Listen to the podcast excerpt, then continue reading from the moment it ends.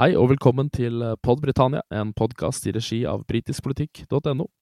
I dag så skal det handle om en av tidenes mest kjente sangere. Kanskje frontfiguren over alle frontfigurer, Freddie Mercury. Og i studio er det Per Åsmund Reimert, og så har vi fått med oss Jon Vidar Bergan, musikkhistoriker, forfatter av store rock- og popleksikon, og ikke minst Queen-fan. We shall never surrender. The pride in who we are is not a part of our past.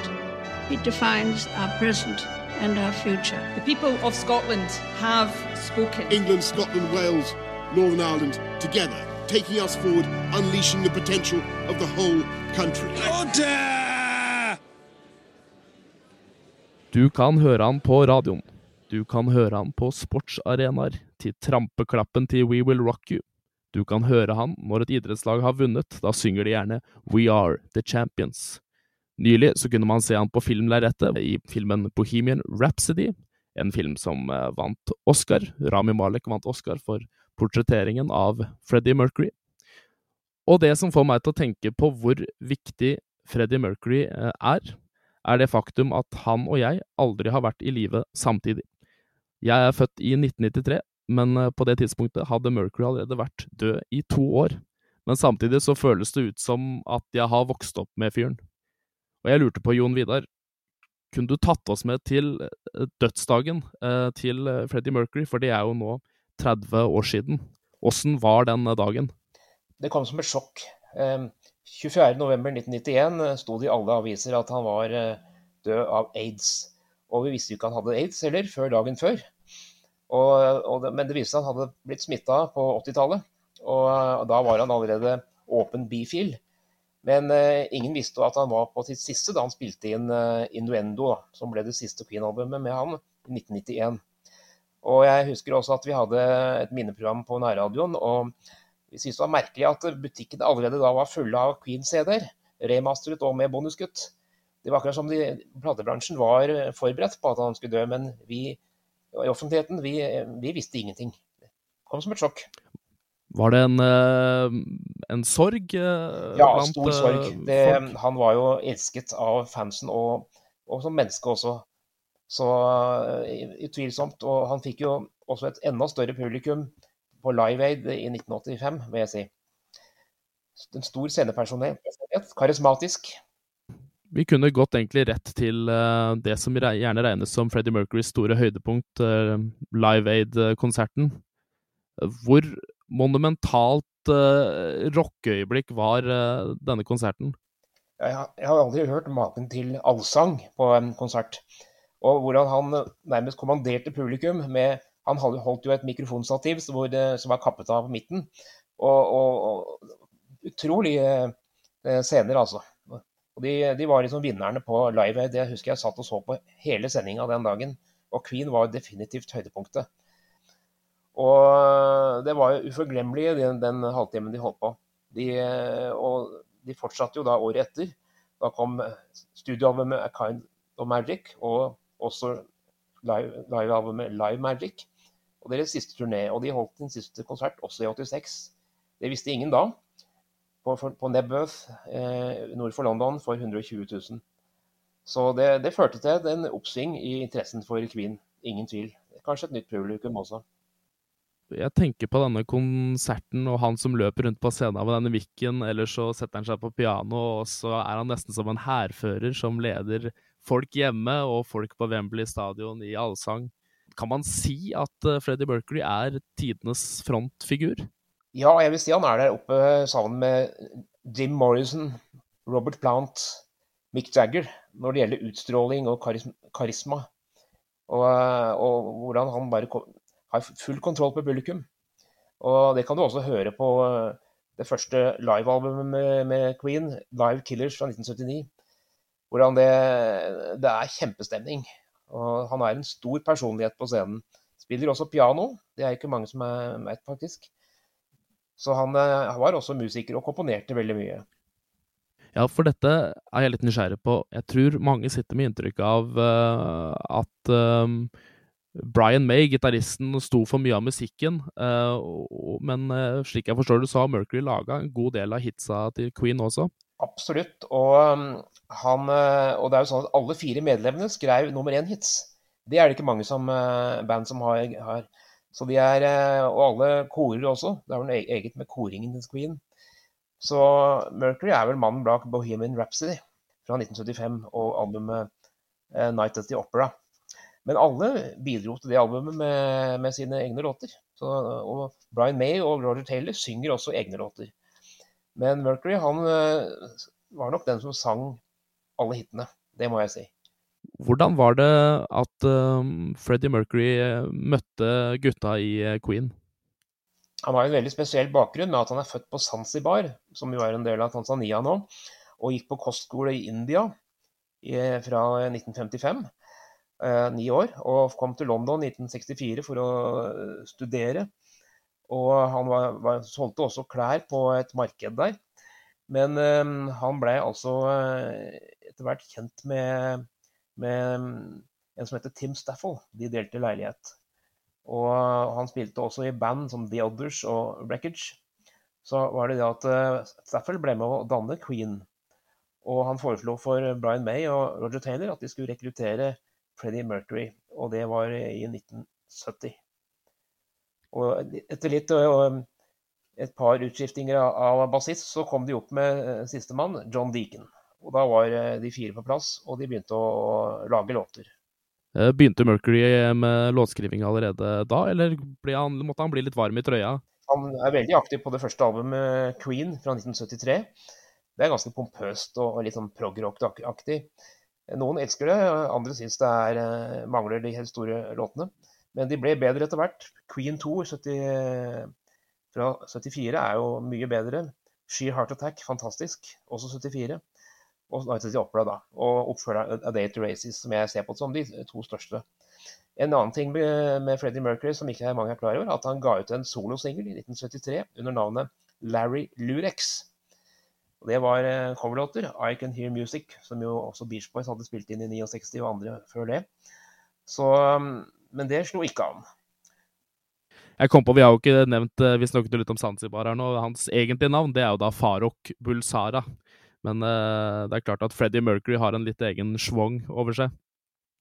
Mercury betyr jo kvikksølv. Ikke sant. Jeg lurte litt på um, dette med låtskrivinga hans og uh, solosingler. Hvordan rangerer man solokarrieren hans? Den er, har ikke høy status. Det, og den var ganske kort også. Han ga ut to album i sin levetid som soloartist. Eh, det, det, første det er Mr. Bad Guy. Han eh, fikk noen eh, hits ut av det. Og så kom jo da duettalbumet med operasangerinnen Montserrat Caballé, 'Barcelona', i 1988. Det var også tittelen på en sang. Den ble lagd i forbindelse med Barcelona-OL. Og han hadde jo også hits som soloartist med 'The Great Pretender' den gamle Platters-låta fra 50-tallet. I en veldig camp-versjon, må jeg si. Og den aller første hiten det var faktisk i 84, før soloalbumet 'Love Kills'. Den var fra filmen 'Metropolis'.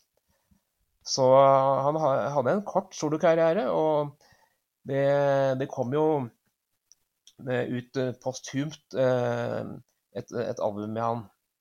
Så han, eh, han hadde noe mer, men han fikk, jo, han fikk, jo, denne 'Living On My Own', fikk jo en egen remix Som som, tatt, som fortsatt spilles på dansegulvet i Norge også. Ja, det, det, stemmer. Det er helt riktig. Det var etter at han døde at det, det slo han. Så det ble remixer av flere låter. Og, så han hadde en etter sin posthum solokarriere også.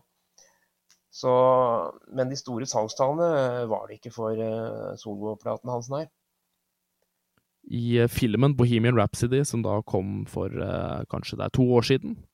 Der fremstilles det jo som at han og gutta i Queen har litt indre stridigheter. At han, at han på en måte mister sin vei litt og faller ned i et, eh, liksom et liv fylt av dop og utsvingninger.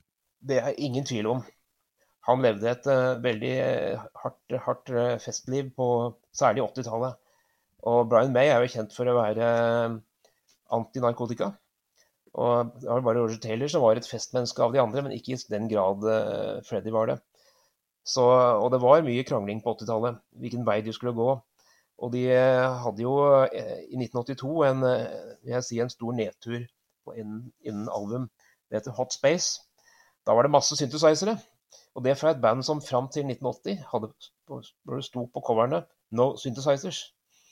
Og det var jo diskoinspirerte låter, og, og, det er jo ingen tvil om at det er det dårligste albumet. Og det, de, de solgte ikke bra. Og det er kanskje en av grunnene til at jeg sto over den Queen-konserten som var den eneste de hadde i Norge, i Drammenshallen 1982. Jeg var rett og slett skuffa over Queen. Den nye retningen de hadde. Hvor, uh, hvor, hvor skuffa er du over deg sjøl nå, at, at, du ikke stakk og så den konserten?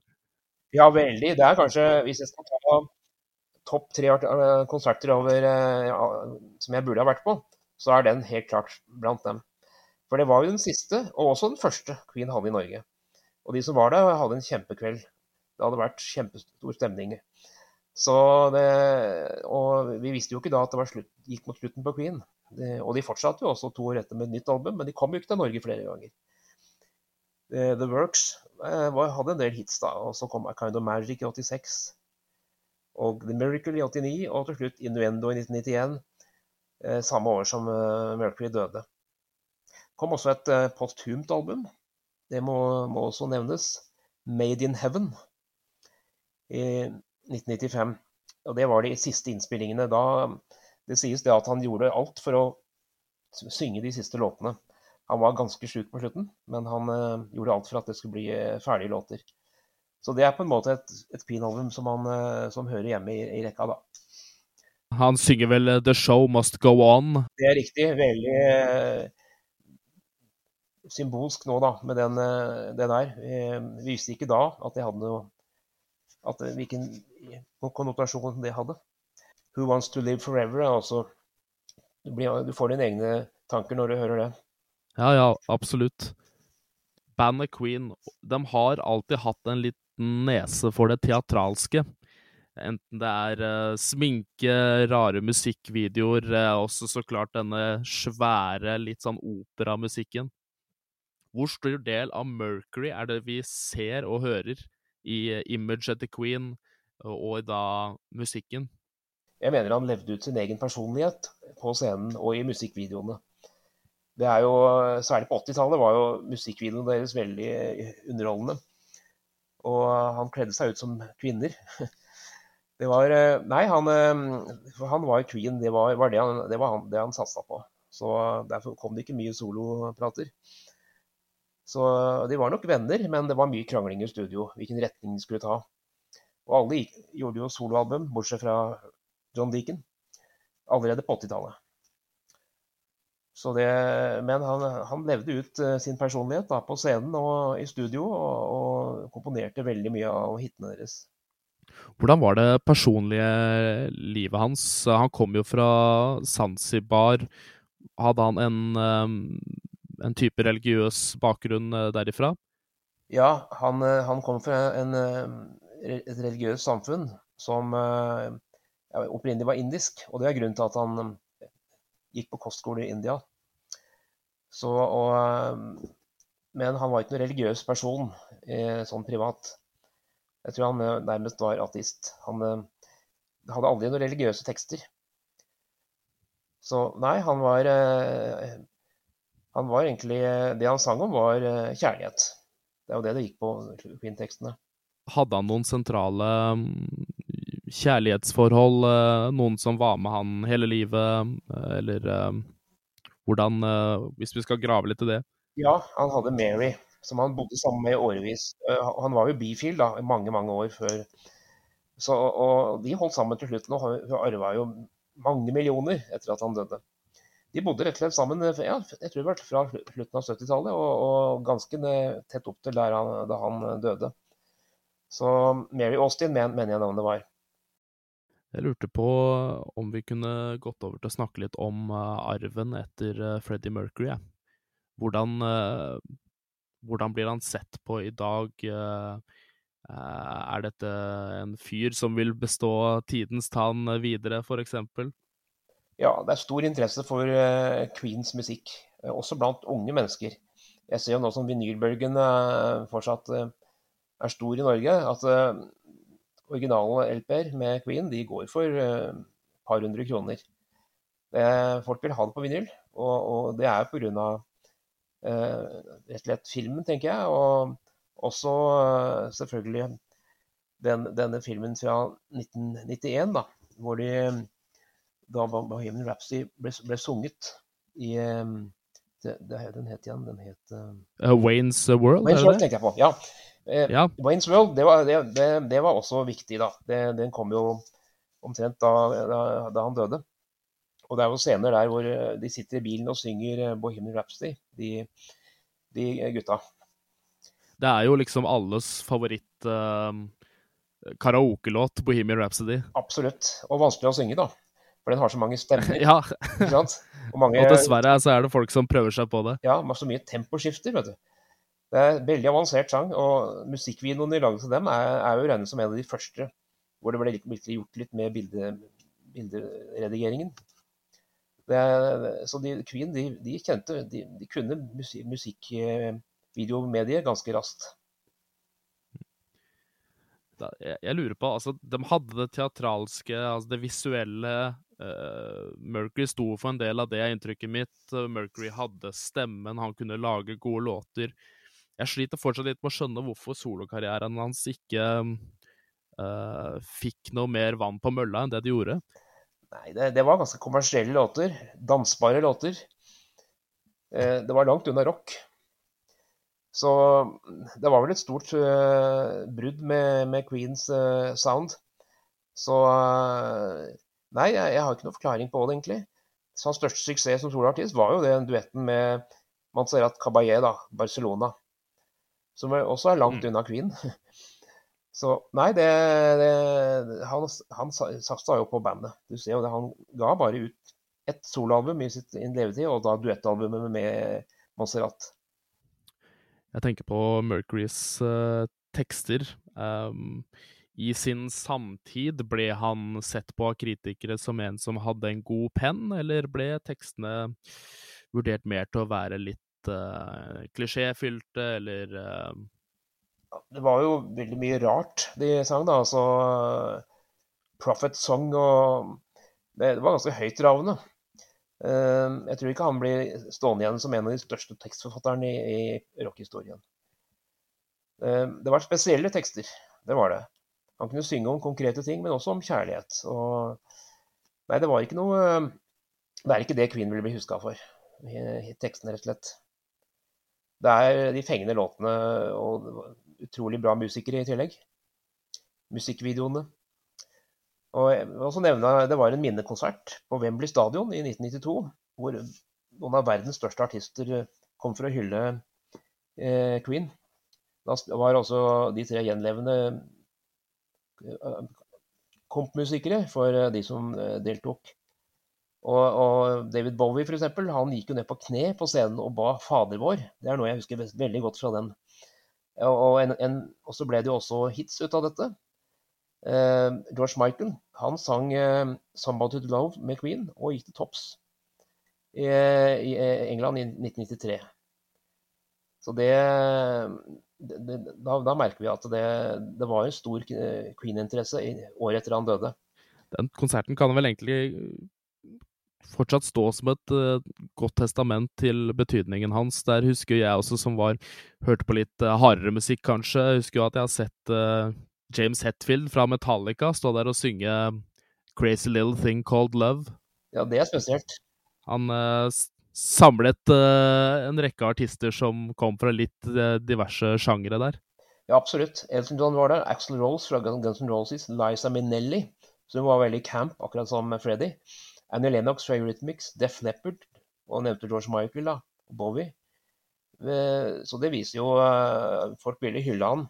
Det var siste gang John Deacon sto på en scene forresten òg, bassisten. Han trakk seg fra Queen, han. Han var jo, var jo med på å fullføre Made in Heaven-albumet i 95. Etter det så trakk han seg helt fra offentligheten og har ikke gjort noe solo. Og han er ikke med i gjenforeningskonsertene uh, som Queen har hatt fra på uh, 2000-tallet. De har jo først hatt vokalisten Paul Rogers, som er mest kjent fra rockebandet Free og Bad Company, store på 70-tallet. Og, og, nå er det jo en um, Adam Hva heter han? Ja. Eh, Ja, Adam, ja, eh, ja, og nå er det jo Adam Lambert de har hatt stor suksess med å turnere med. De har bl.a. spilt i Oslo Spektrum. Og han er en mann som eh, ligner på eh, Freddie Mercury både i stemmen og, og i, i eh, scenepersonlighet. da. Ganske camp og flamboyant.